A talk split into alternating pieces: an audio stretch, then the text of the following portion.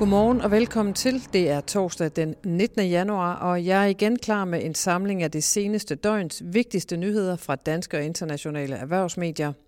En ulmende elbils priskrig, en utrolig glad jysk bankdirektør og yderligere en topchef, der blander sig i debatten om, ja, rigtig gættet, stor bededag, plus det løse og til sidst en bid fra denne uges spritnye investorpodcast fra børsen. Her er din daglige briefing. Jeg hedder Sofie Rud. Måske har du hørt, at Tesla har sænket priserne både i USA, Europa og Kina markant siden oktober måned. Herhjemme kom den store overraskelse, da Tesla meddelte i sidste uge, at man sænker priserne med op mod 30 procent. Det betyder i Danmark, at prisen for en Tesla er reduceret med op til 130.000 kroner.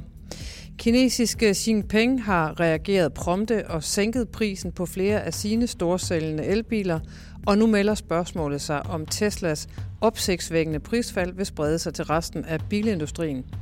Det mener en ekspert vil ske, men så skal prisen på benzinbiler også ned, det skriver børsen.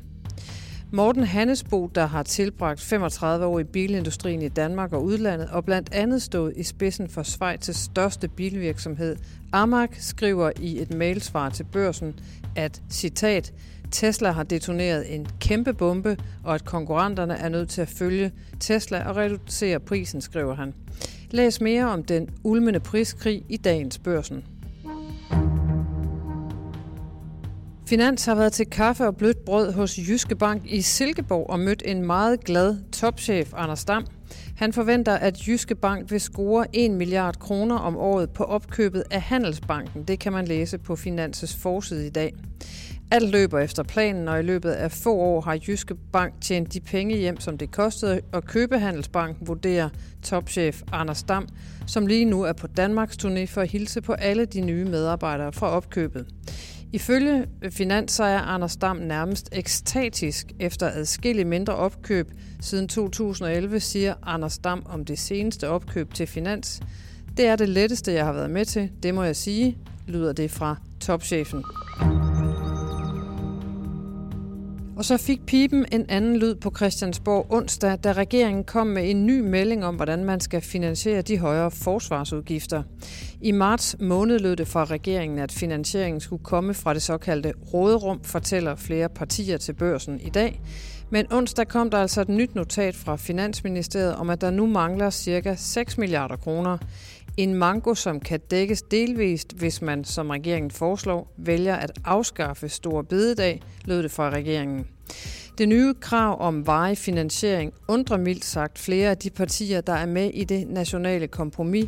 Ifølge dem var der nemlig allerede i aftalen sidste år taget hånd om finansieringen af forsvaret efter 2030. Det kan du læse på børsens hjemmeside i dag. Tirsdag var Telenors topchef på banen med sin holdning, og nu råber en ny markant stemme fra erhvervslivet højt om regeringens planer om at afskaffe Stor Bededag. Der taler om den kendte iværksætter Martin Thorborg, som på Facebook understreger, at Stor Bededag ikke bliver en arbejdsdag i hans virksomhed Dinero. Det skriver børsen. Mediet Finans har desuden talt med Martin Thorborg, og her tilføjer han om forslaget, citat, det er for hjernedødt, undskyld, jeg siger det. Onsdag skete der også noget på kryptoscenen. Amerikanske myndigheder anholdt nemlig chefen for kryptobørsen Bitslato, den 40-årige russer Anatoly Lekodimov. Han er nu sigtet for omfattende hvidvask af værdier for i alt over 700 millioner dollar, svarende til 4,8 milliarder kroner, skriver det amerikanske justitsministerium i en meddelelse ifølge nyhedsbyrået Reuters.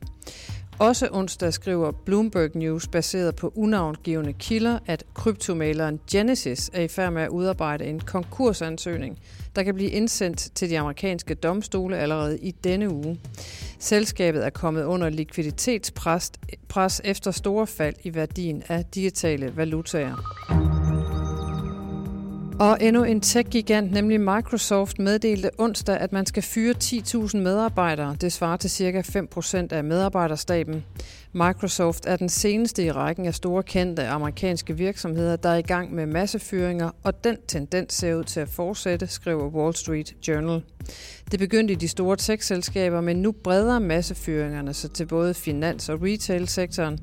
Wall Street Journal bringer i dag en lang liste over de største virksomheder, og det antal medarbejdere, der skal fyres, ofte i tusindvis, for at rekalibrere på vej ind i den ventende recession, skriver avisen.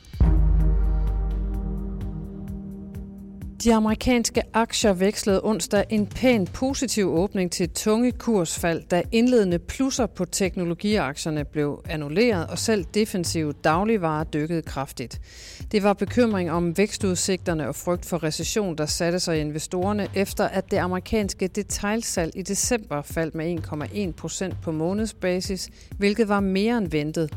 Samtidig så aftog stigningerne i producentpriserne også i december. De to nøgletal sendte markedsrenterne ned, og det er normalt godt nyt for især vækstaktier, men det blev altså ignoreret onsdag. Det brede S&P 500-indeks faldt derfor med 1,6 procent, mens Nasdaq faldt med 1,2 procent.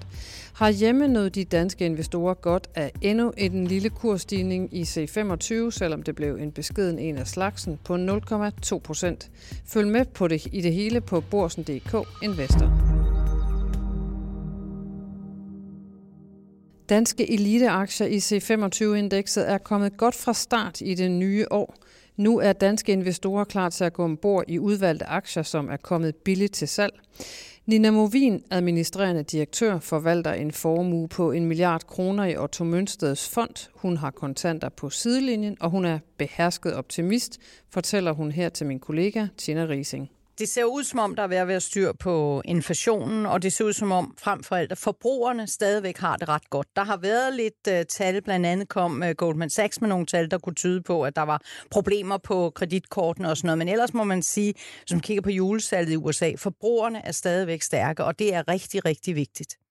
Du øh, øh er jo direktør i Otto Mønsters Fond og forvalter en formue på omkring en milliard kroner. Lad os lige høre, hvor meget tabte I sidste år? Vi tabte øh, lige over 60 millioner sidste år. Og har du så ambitioner om at øh, hente det, alt det tabte øh, ind i år? Vi har hentet rigtig meget af den allerede. Ah, det er, Simon hvordan har du gjort det? ja, vi har bare vi er blevet liggende jo. Ja. Så øh, ja. altså, i og med markedet, altså, vi er med markedet op, kan I man sige. med markedet. Ja, ja, ja, ja. Så det er en rigtig god start på året. God start på mm. året. Du kan høre mere fra Nina Movin og de andre investorer i panelet i Børsens Investor Podcast. Den ligger klar nu, der hvor du også lytter til Morgenbriefing.